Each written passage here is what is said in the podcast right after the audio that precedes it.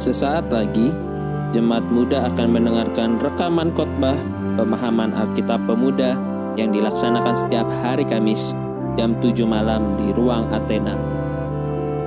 Dari GKI Kebayoran Baru, selamat mendengarkan.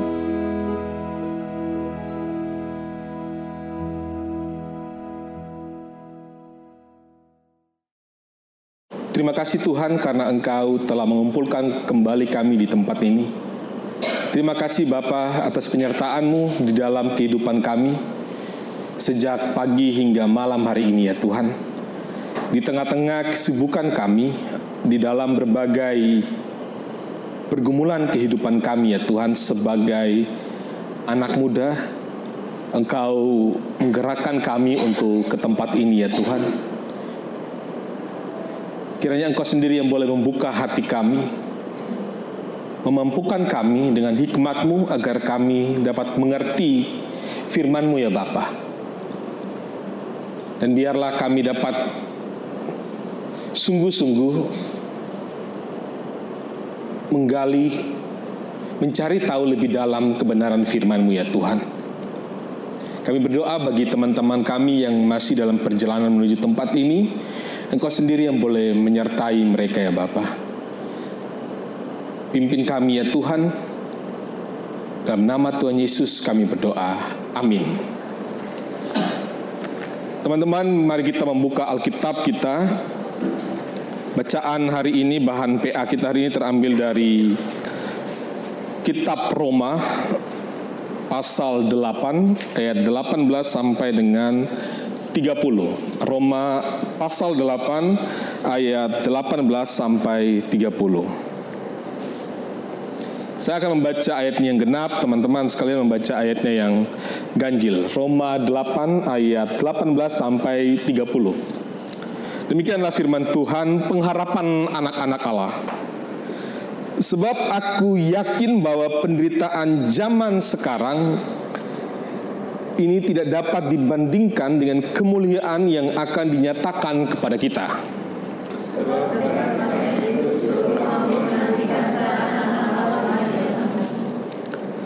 Karena seluruh makhluk telah ditaklukkan kepada kesia-siaan bukan oleh kehendaknya sendiri tetapi oleh kehendak Dia yang telah menaklukkannya.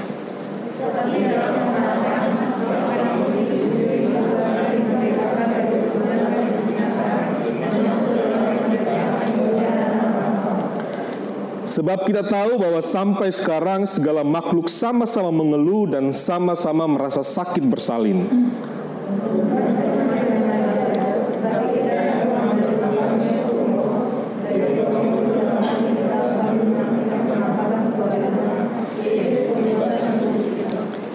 Sebab kita diselamatkan dalam pengharapan.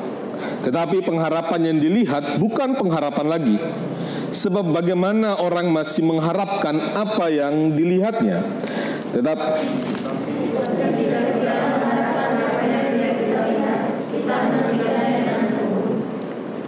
Demikian juga roh membantu kita dalam kelemahan kita Sebab kita tidak tahu bagaimana sebenarnya harus berdoa Tetapi roh sendiri berdoa untuk kita Kepada Allah dengan keluhan-keluhan yang tidak terucapkan.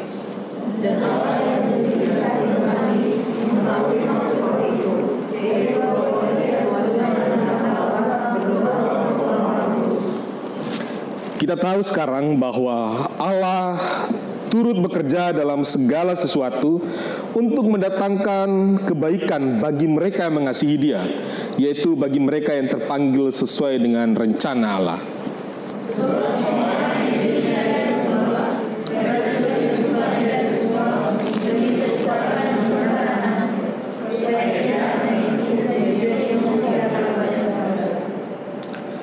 Dan mereka yang ditentukannya dari semula mereka itu juga dipanggilnya.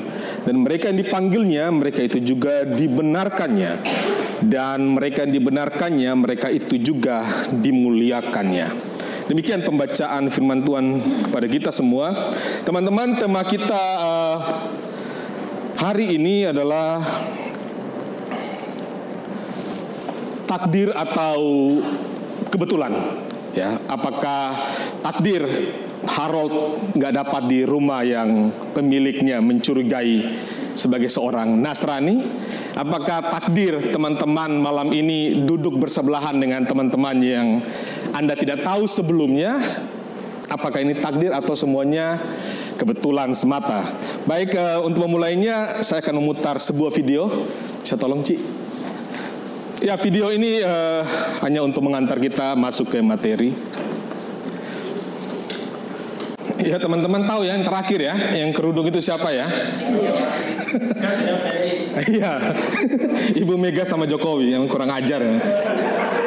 Ya itu teman-teman Resa Nangin dan Cameo Project. Uh, ya apa apa hubungannya dengan dengan tema hari ini? Sebenarnya nggak ada juga sih teman-teman. Hanya karena bulan April aja jadi putar uh, video ini. Tapi bagaimana kalau memang uh, ya pertanyaannya kira-kira kalau kalau seandainya itu memang terjadi dalam hidup kita, eh, kita dikerjain, kita mendapatkan hal yang susah, hal yang tidak enak, apakah itu juga merupakan sebuah takdir? Ya, jadi takdir kita adalah gagal pacaran misalnya, takdir kita nggak dapat jodoh, takdir kita sudah bekerja tapi akhirnya dipecat. Apakah itu takdir atau hanya sebuah kebetulan? Saya ingin mengajak teman-teman untuk uh, diskusi tiga orang tiga orang saja. Atau juga bisa dua orang bisa juga empat orang. Tidak perlu harus uh, mencari lebih jauh. Tentang pertanyaan-pertanyaan ini teman-teman uh, kecil banget ya gue baca ya uh, yang pertama itu adalah pertanyaannya adalah mengapa anda teman-teman menjadi seorang Kristen saya tidak tahu apakah teman eh, pertanyaan ini masih relevan. Saya tapi saya lebih yakin bahwa belum tentu teman-teman bisa menjawab ini dengan baik. Ya, coba saja. Nanti kita akan dengar jawabannya. Mengapa teman-teman menjadi seorang Kristen? Apakah itu pilihan imanmu atau memang ini sebuah kebetulan lu lahir di keluarga Kristen? Ya. Apa membuat yang kedua yang lebih dalam daripada itu kalau menjadi seorang Kristen janjinya Anda pasti selamat kan masuk surga. Dari mana Anda yakin akan hal itu? Dari mana Anda bisa yakin bahwa Anda pasti akan selamat? Apa apa yang membuat lu yakin lu selamat? Oke. Okay? Pertanyaan yang ketiga adalah kondisi kehidupan, misalnya jodoh, pacar, pekerjaan, kesulitan hidup, itu semua ditentukan oleh siapa? Ditentukan oleh Tuhan, ditentukan oleh Anda sendiri, itu merupakan pilihan saya. Saya menentukan orang ini adalah pacar saya, atau itu adalah hasil dengan Tuhan, atau ini hanya hasil dari ya diskusi Anda bersama dengan manusia tidak melibatkan Tuhan di dalamnya. Bila jawaban nomor tiga adalah Tuhan, bagaimana Anda tahu bila Tuhan yang telah menentukannya untuk Anda? Bagaimana Anda bisa tahu? Ya, itu ah, inilah pertanyaan-pertanyaan yang coba di eh, teman-teman diskusikan.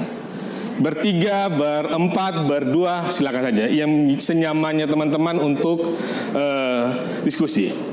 Silakan teman-teman menjawab pertanyaan-pertanyaan ini. Mengapa Anda menjadi seorang Kristen? Yang kedua adalah apa yang membuat Anda yakin Anda selamat? Lihat teman-teman kiri kanan, eh, kalau belum kenal silakan kenalan dulu.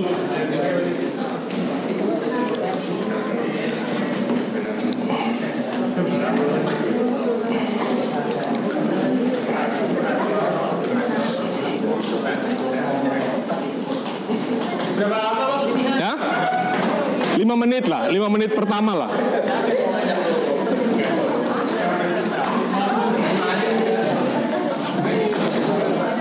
Boleh bertiga, boleh berempat, boleh berlima yang, yang pasti karena diskusi nggak mungkin seorang diri ya.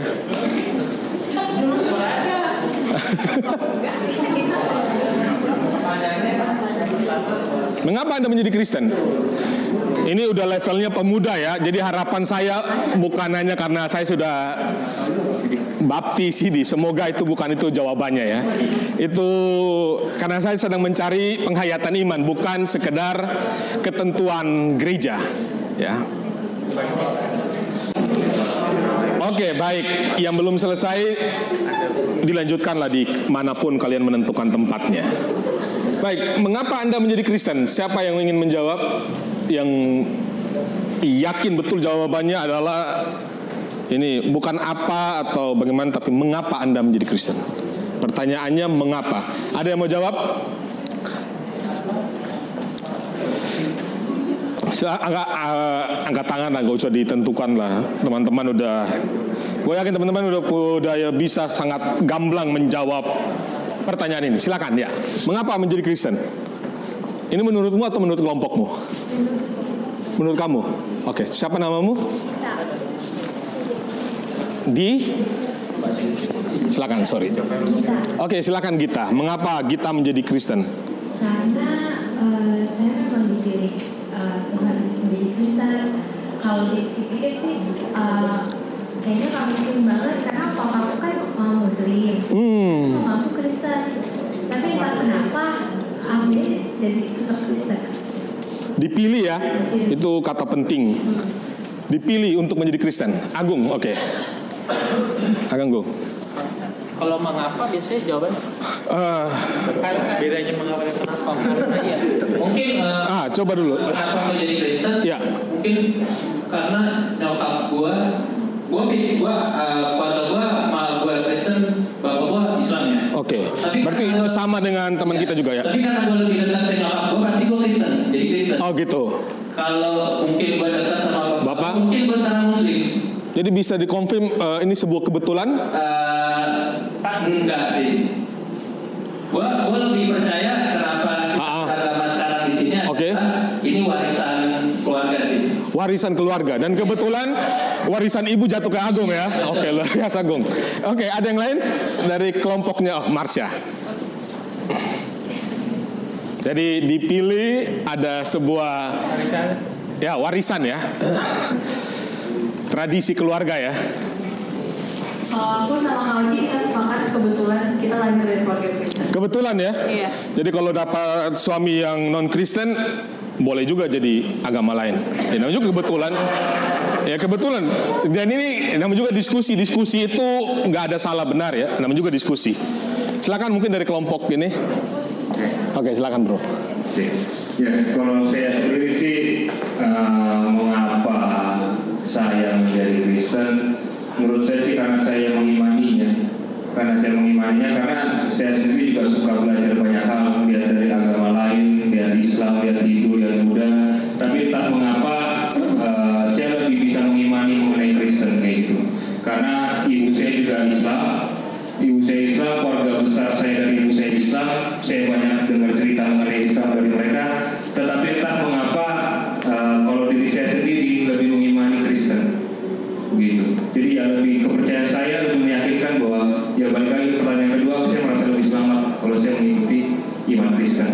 Kristen ya.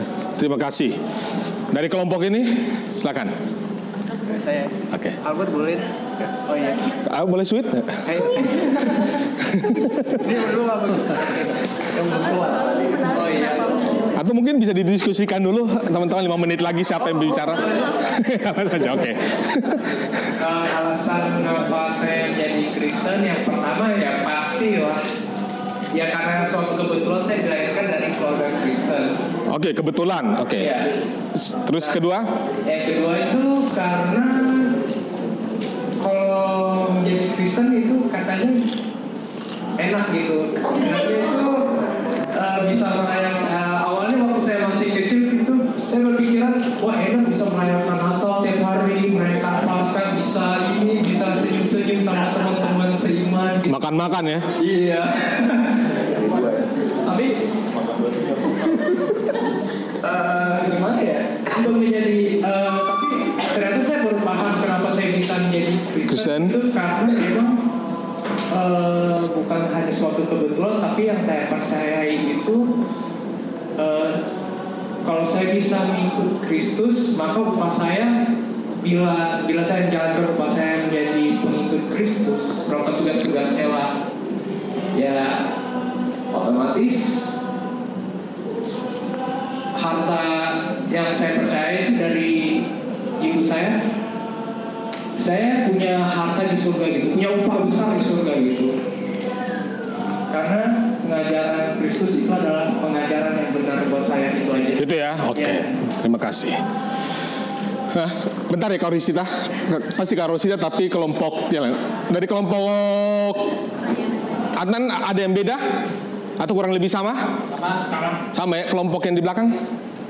Beda? Coba. Habis ini Kak Rosita ya. Perkenalkan nama saya Wawan dari Universitas Kristen Indonesia. Halo Wawan. Silakan. Menurut saya jadi mengapa Anda Kristen karena sadar aja gitu. Hmm? Kalau Jadi Anda bangun-bangun dari tidur Kristen gue nih. sadar karena melalui Kristen ini kita mendapat pengajaran dari Kristus arti jalan kebenaran yang hidup itu. Ya pertanyaannya kenapa sadar itu dari mana? Sadar aja kalau Sadar aja ya. iya Oke. Iya, kami juga sadar. Sadar aja kalau Tuhan Yesus itu, Kristus itu, itulah jalan kebenaran dan hidup. Sadar aja ya. Ya sadar. Sadar pokoknya sadar lah. Kalau nggak sadar nggak Kristen. Silakan Kak Rosita. Kalau di kehidupan saya mengapa menjadi Kristen, memang waktu lahir kita kecil emang karena Keluarga. keluarga ya. Kecil lalu sekolah minggu lalu besar.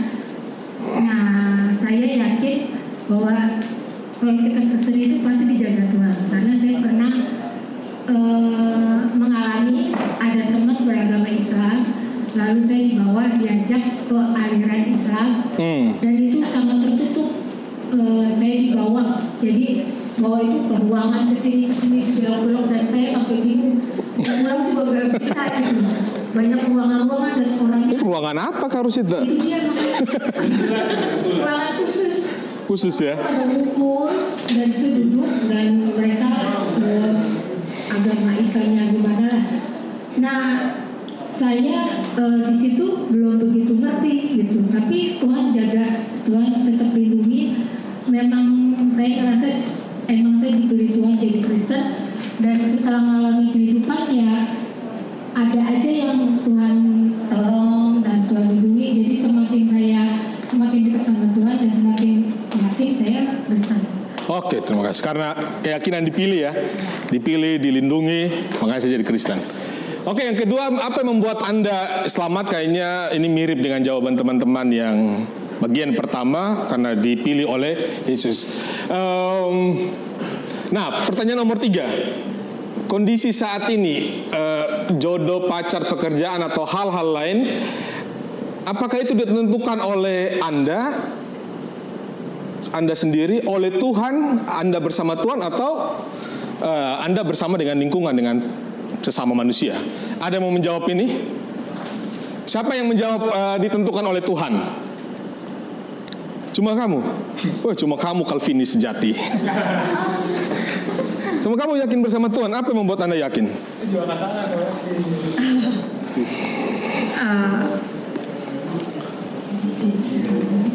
Apa yang membuat lu yakin Tuhan yang membuat lu di kampus UKI?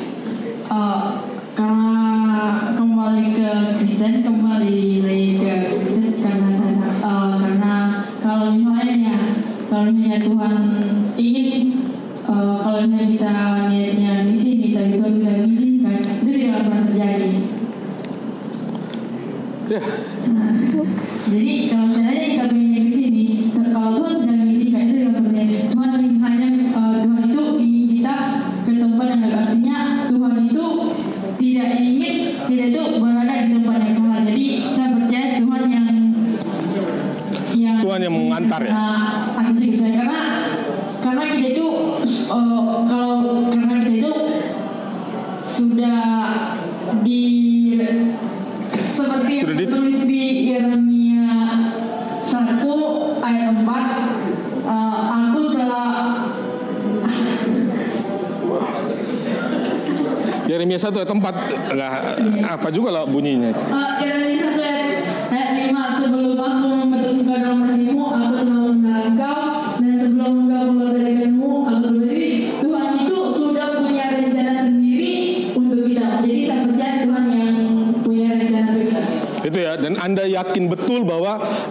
masuk dalam rencana Tuhan. Iya betul Oke ya. Ada yang jadi cuma siapa namamu sorry? uh, Jilfa Jadi cuma Jilfa yang atau ada yang sama dengan Jilfa? Biar biar ini eh, jelas bahwa cuma Jilfa yang yakin bahwa hidupnya 100% ditentukan oleh Tuhan. Oke? Cuma Jilfa nih ya.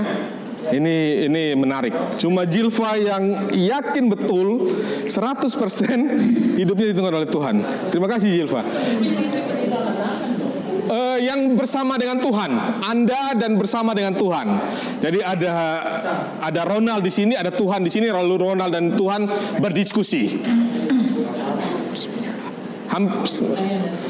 Oke ya, oh ini lumayan lumayan banyak ya. Anda bersama dengan Tuhan ya. Oke, Anda bersama dengan Tuhan ya. Artinya ada doa di situ, ada pergumulan di situ, ada eh, diskusi di situ. Pokoknya aku ada di sini karena pilihan bebas aku, karena aku yang memilih, tapi juga karena Tuhan menyertaiku. Jadi aku dan Tuhan bekerja sama. Oke? Kalau yang Anda sendiri, siapa yang menjawab bahwa hidupku ditentukan oleh aku sendiri? Tanpa Tuhan. Ada? Ada? Enggak ya? Jadi semua yang terakhir berarti Anda bersama dengan eh, orang lain, sesama Anda. Eh, siapa angkat tangan yang Anda bersama dengan orang lain?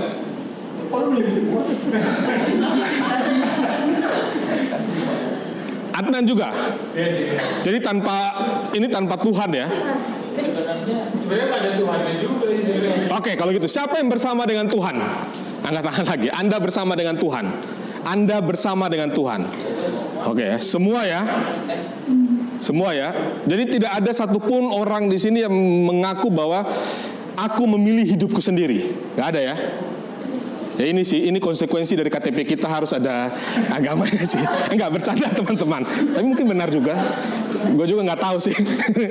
Karena itu masing-masing pribadi. Ya, em, baik. Eh, terima kasih tadi eh, ininya di mana? Eh, Ya tadi kita sudah mendengar kata-kata penting dipilih, ditentukan, Anda kebetulan lahir menjadi seorang Kristen dan lain sebagainya. Nah saat ini kita akan belajar sebenarnya seperti apa sih? Apakah ini semuanya takdir, Anda ditentukan, Anda dipilih, atau ini sebuah kebetulan semata? Atau bahasa yang lain ini kehendak bebas, kehendak pribadi Anda sendiri. Kita akan melihat dari bacaan kita yaitu eh, kitab Roma.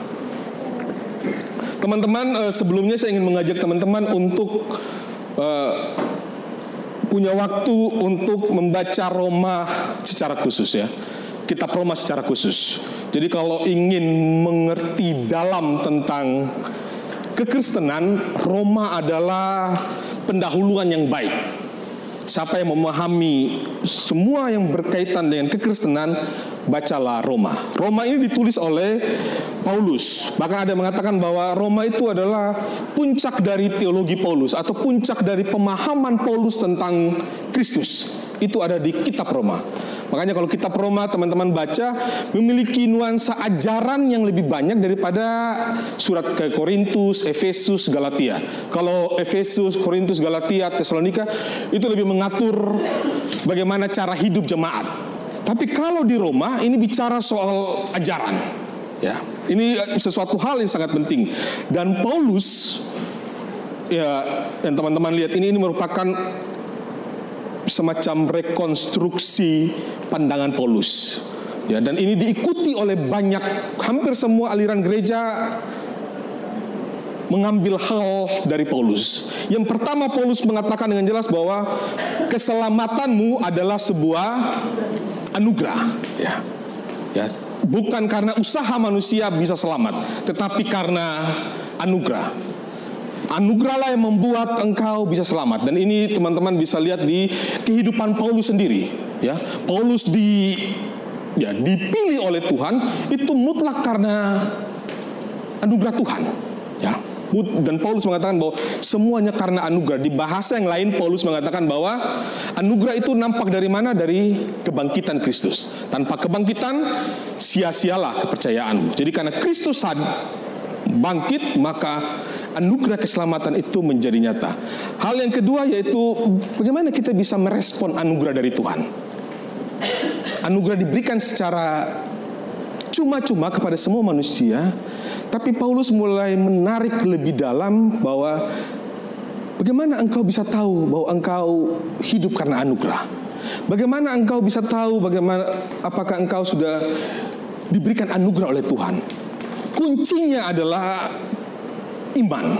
Dan iman ini kepada Kristus. Jadi iman kepada Kristus sesuatu hal yang sangat sentral. Ya. Lu bisa selamat hanya karena iman kepada Kristus. Kira-kira itu yang ingin disampaikan oleh Rasul Paulus. Iman ini menjadi sesuatu yang sangat penting. Iman itu kira-kira bahwa kepercayaan mutlak kepada Kristus.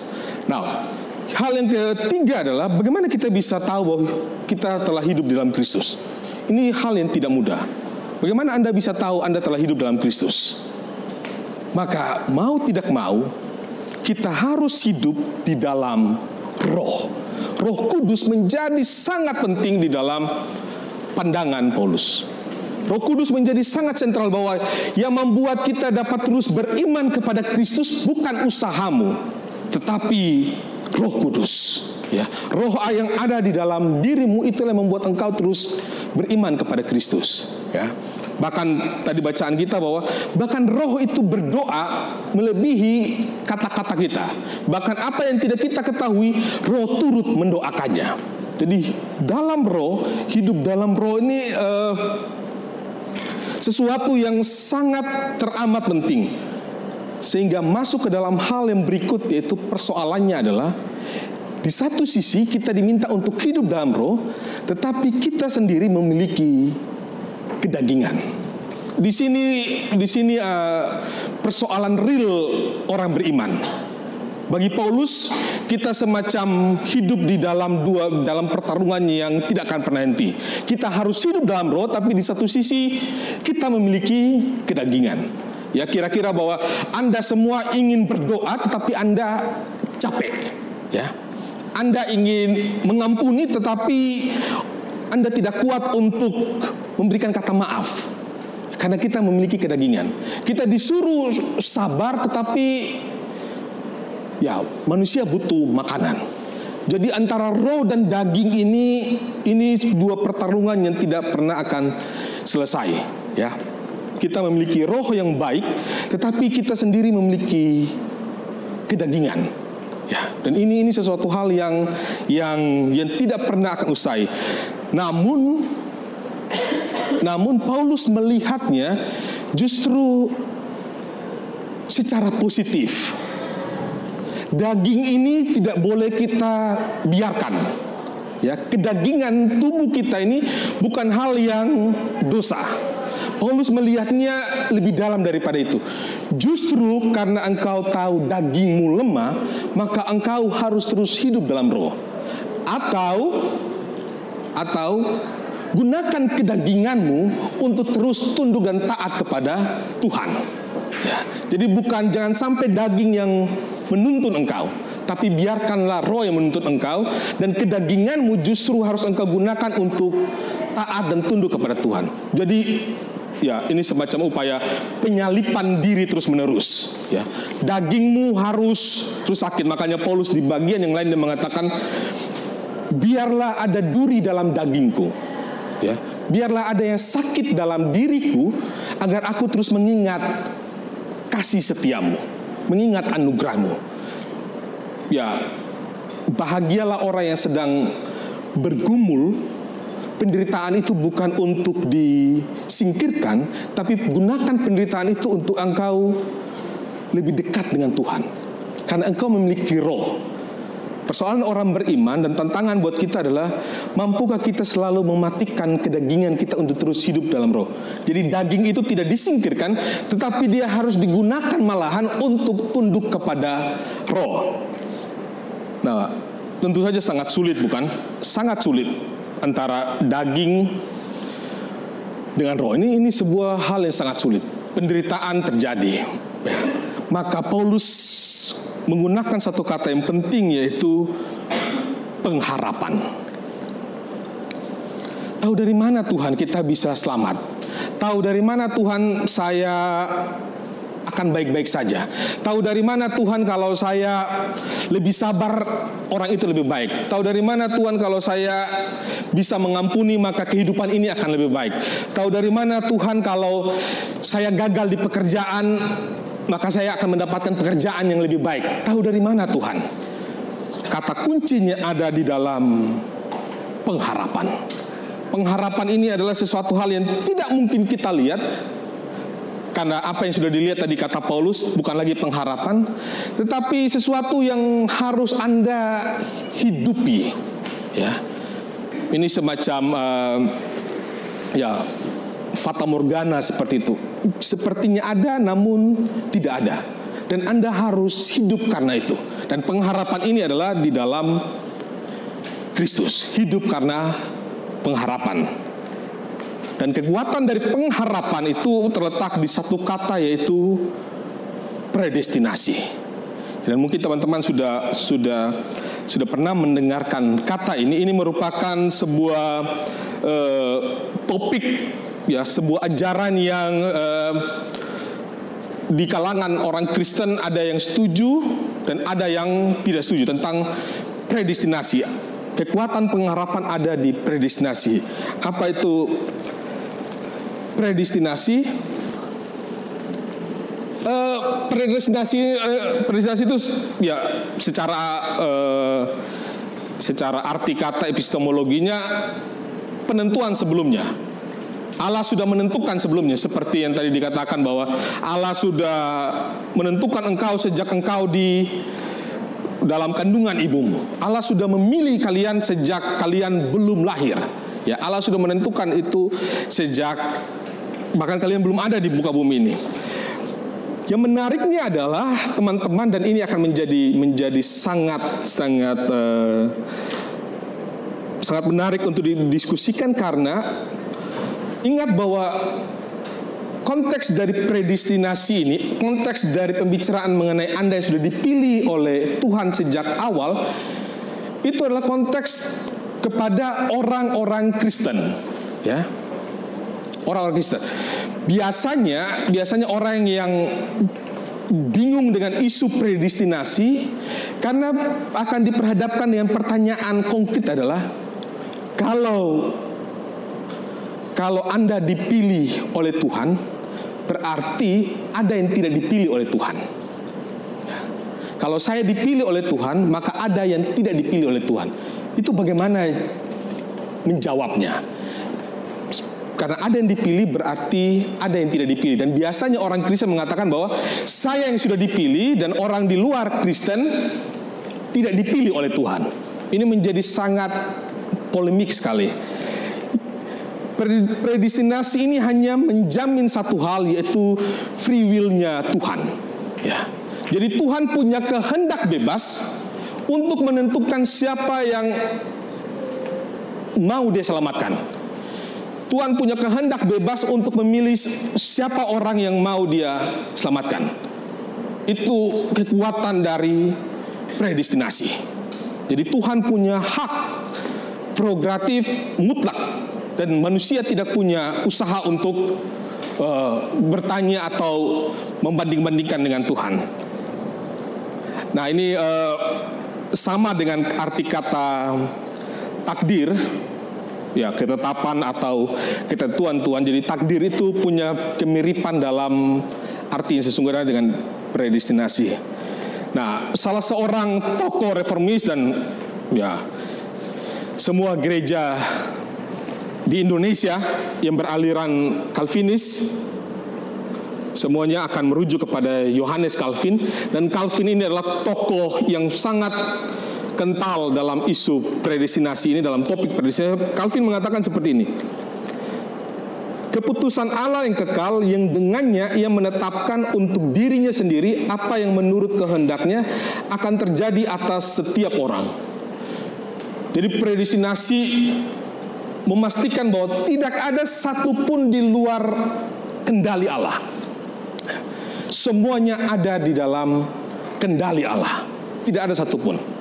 Ya, sebab semua karena anugerahnya, semua karena Allah yang menentukan sejak awal. awal. Allah bebas untuk menyelamatkan siapa saja yang mau diselamatkan. Tak ada usaha manusia untuk selamat.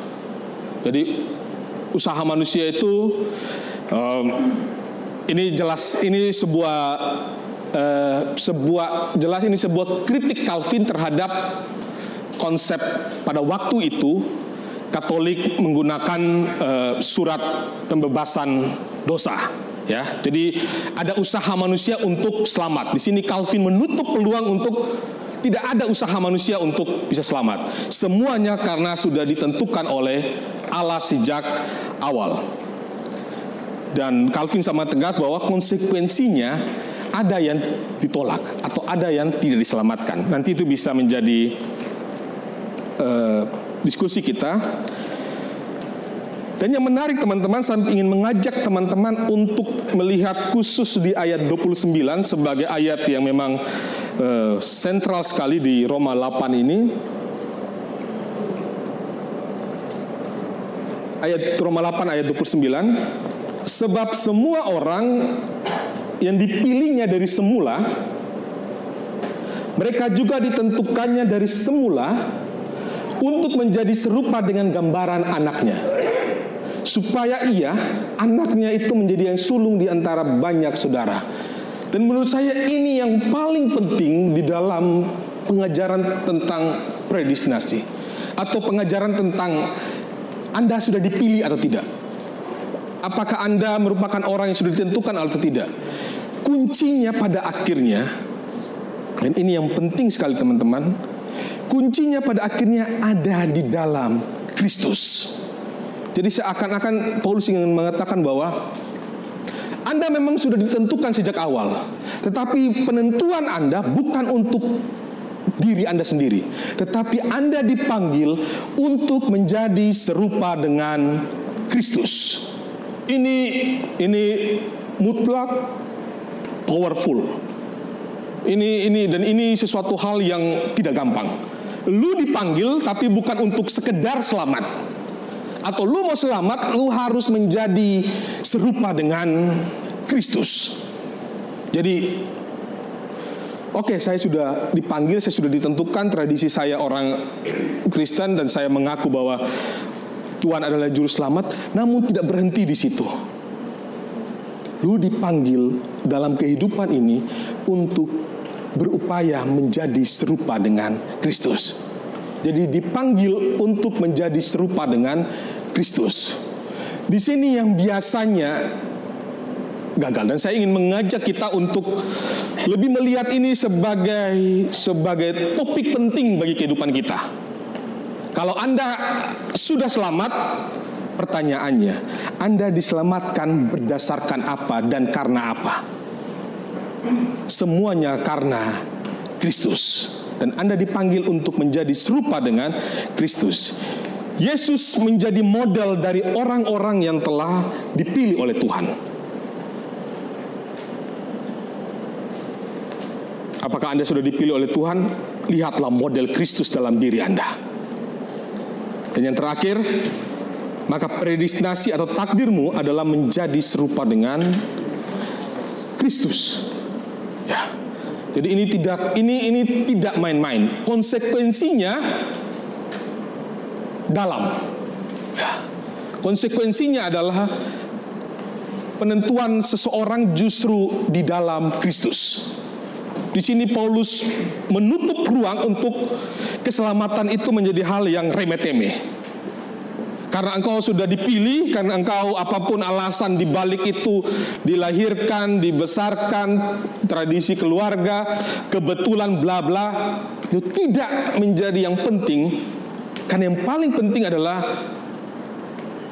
model Kristus sudah ada dalam dirimu atau tidak.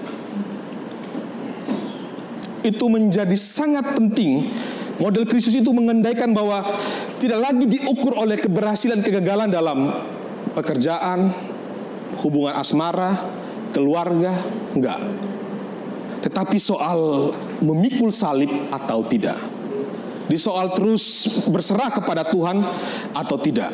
Ya, maka kembali ke awal bahwa penderitaan itu menjadi sesuatu yang sangat positif di dalam kekristenan. Tapi bukan dicari-cari ya Bapak Ibu, bukan dicari-cari penderitaan itu. Tapi penderitaan itu memang harus hadir dalam hidupmu.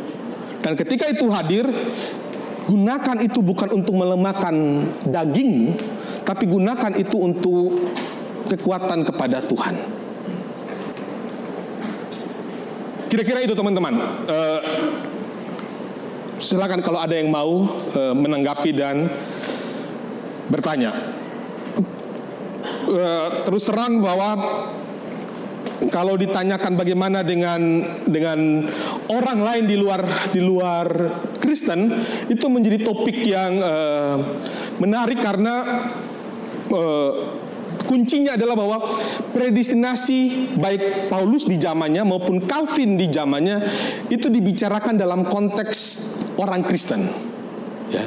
Tidak di dalam bayangan bahwa kita akan hidup dengan agama lain. Tetapi di Indonesia karena kita semua hidup di sini, maka ini menjadi topik yang harus kita gali bersama. Bagaimana kita menanggapi orang di luar Kristen? Silakan kalau ada yang mau menanggapi atau pertanyaan lain. Ada yang ingin bertanya, menanggapi?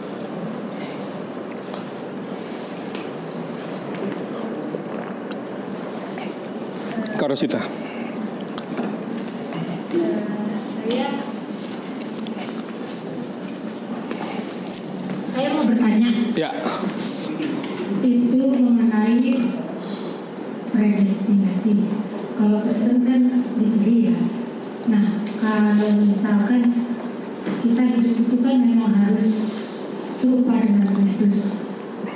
Kalau misalkan di luar agama Kristen, entah itu Buddha atau Islam, itu di luar dari Tuhan Yesus, tetapi dia dia itu adalah orang yang benar-benar percaya dan yakin pada Tuhannya dan dia melakukan dalam kehidupan sehari-harinya orang yang benar.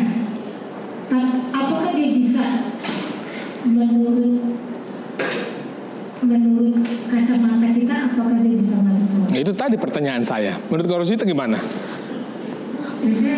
Gak tahu juga. Kita berdoa aja dulu. itu itu pertanyaannya harusnya. Kira-kira kalau bagaimana dengan uh, orang yang memiliki keyakinan terhadap iman yang lain, kehidupannya baik, hmm, bahkan ya pertanyaan seumur hidup banyak orang mengatakan Mahatma Gandhi itu selamat gak sih? Kalau menurut saya, iya menurutnya Kak Rosita gimana? Ajaran mereka kan beda dengan. Ya beda pasti. Dan, uh, menurut surga dia juga beda dengan kita. Ya. Ya menurut mereka masuk surga. Mm -mm. Tapi kalau menurut saya, ya sesuai dengan ajarannya masing-masing. Hmm, terus? Kan sesuai dengan ajaran masing-masing. Dan kalau misalkan ya kita hanya mempelajari aja, sekedar oh dia caranya begini, uh, menurut ajaran dia begini, ajaran saya begini. Nah kalau kita mau ya mengikuti nggak mungkin lah ya. Jadi ya kita namanya hidup di Indonesia ya harus saling toleransi. Ya, kita harus bisa menerima. Surga toleransi nggak ya? Oh, bukan, maksudnya ajaran mereka kita toleransi gitu loh. Ya kalau misalkan uh, kita nggak toleransi ya saling menang-menangan gitu loh. Kalau menurut Karosita, menurut iman Kristen yang Karosita percaya, mereka selamat atau enggak? Kalau menurut saya Selamat, tidak, nggak tahu. Kalau saya lebih memilih nggak tahu yang pasti. saya. Nah, Ya, itu. itu jauh. Baik, ada yang lain? pengalaman orang agama Islam. Jadi ada orang yang masuk Kristen dan dia eh, diajak sama seseorang Kristen. Dan dia tadinya dia bingung eh, bagaimana ya bisa menjadi orang yang beragama itu gampang seperti orang Kristen. Nah lalu eh, diajarnya sama yang Kristen bahwa masuk Kristen itu gampang karena Tuhan Yesus yang menyelamatkan.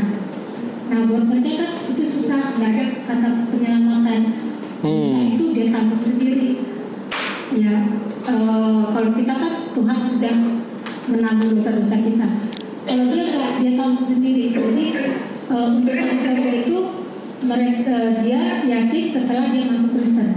Jadi di waktu dia Islam dia nggak yakin masuk surga karena dosa itu kan berat dan dipikulnya itu sangat berat dan minta pengampunan pun setiap saat dan pengajarannya pun itu eh, susah buat mereka lakukan.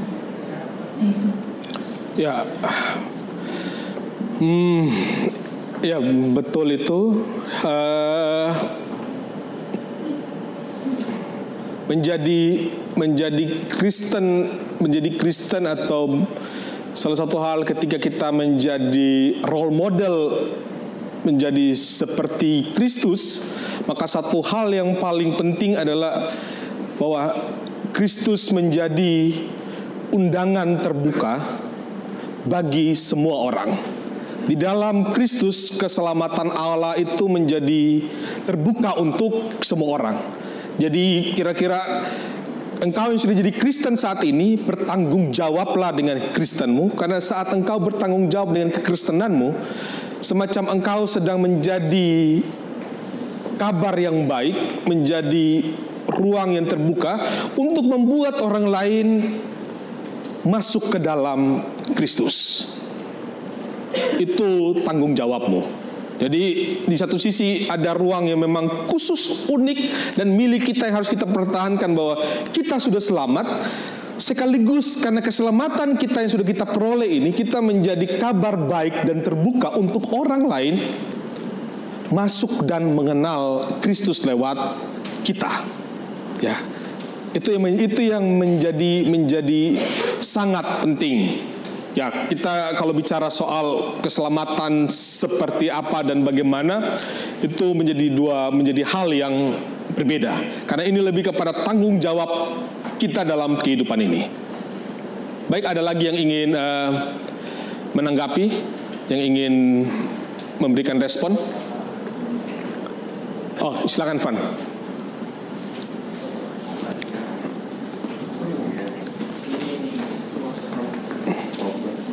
Uh, mau nambahin lagi sedikit Mbak. Ya, silakan Bro. Jadi kalau tadi kita ngomongin uh, predestinasi ya, kita sebagai orang Kristen, uh, ya memang kita harus menjadikan Yesus sebagai uh, model kita. Kan. Soal tadi ngomongin surga nih, bagaimana agama lain, apakah menurut kalian mereka masuk surga atau enggak segala macam gitu. Uh, sebenarnya kita gak usah mikirin surganya kali ya, tapi tugas kita itu aja sekarang menjadi role model Yesus seperti apa. Gitu kita menjadi contoh buat orang-orang di sekitar kita bagaimana cara Yesus hidup. Mereka lihat kita terus mereka jadi percaya sama Yesus. Karena apa? Karena banyak sekali hal-hal buruk yang terjadi di dunia ini gara-gara orang ingin masuk surga. Hmm. dapat ajaran-ajaran yang wah masuk surga itu caranya kayak begini-begini harus bunuh sekian banyak orang. Akhirnya mereka bukan yang menjadi damai sejahtera malah menebar kebencian menebar teror. Gitu. Jadi uh, itu sebagai orang Kristen juga memang kita sudah di uh, predestinasikan untuk bisa menjadi role model Tuhan tapi bukan untuk tujuan kita mencari-cari surga tadi gitu. Uh, memang tujuan kita adalah ya supaya orang bisa melihat karya Yesus itu melalui kehidupan kita gitu. Jadi jangan serta merta kita melakukan ini karena membanding-bandingkan siapa yang masuk surga apa yang siapa yang tidak masuk surga seperti itu. Karena itu bisa menyebabkan malah kebencian, bisa menyebabkan juga jadi uh, menghalalkan segala cara untuk bisa memperoleh surga. Kalau menurut saya sih seperti itu. Ya, thank you Ivan. Ya Ivan uh, juga kembali menegaskan ya bahwa menjadi pengikut Kristus dari bahasa Paulus jelas bagaimana Anda bisa menghayati penderitaan sekaligus pengharapanmu di bumi ini. Jadi bahkan secara lebih dalam yang mengatakan bahwa surga itu di sini saat ini dan kita bisa mewujudkannya bukan di sana. Dan di sini ini adalah merupakan kehadiran kita untuk sesama. Kehadiran kita untuk menjadi orang-orang yang memberikan ya Kristus bagi orang lain. Jadi bukan panggilan kita bukan ya bukan surga yang di sana yang akhirnya justru membuat kita menabrak kembali ajaran-ajaran Kristus itu sendiri. Baik, ada lagi? Oh,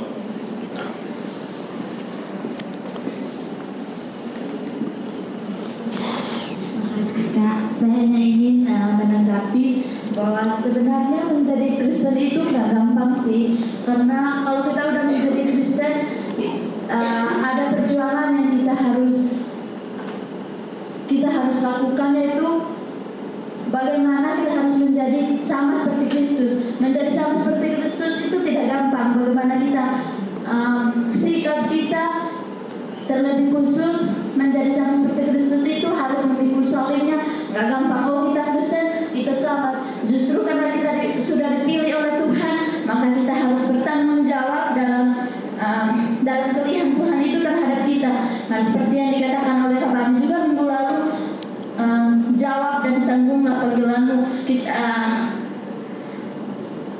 kata Abang kemarin minggu lalu, uh, untuk mendengar panggilan, untuk menerima panggilan kita harus mendengar panggilan itu dulu.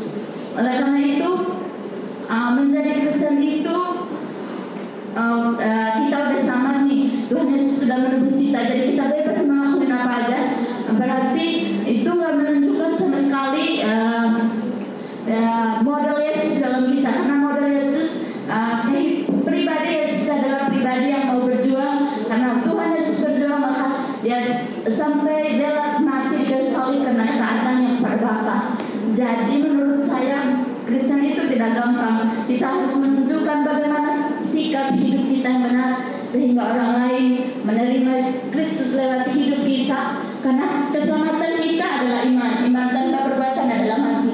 Jadi kita harus uh, menunjukkan seluruh sikap hidup kita sehingga orang lain menerima Yesus itu. Terima kasih. Terima kasih. Ya, terima kasih. Memang harus seperti itu.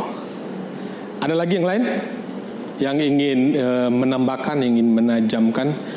Dan ini teman-teman, ini tentang iman ya teman-teman ya. Jadi jangan jangan jangan di langsung secara secara sederhana dibahas di dalam hal-hal yang sehari-hari.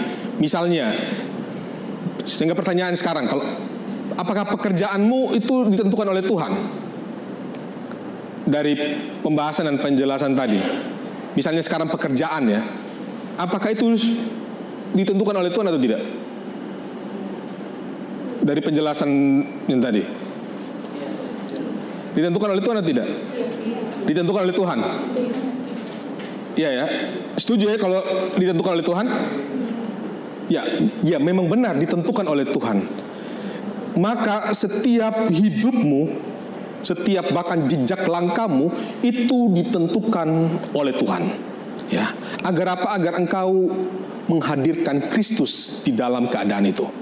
Bahkan di dalam kesulitan hidupmu, dalam putus pacarmu, di dalam berantakan rumah tangga orang tuamu, di dalam kesulitan pelayananmu, engkau ditentukan untuk hadir di situ.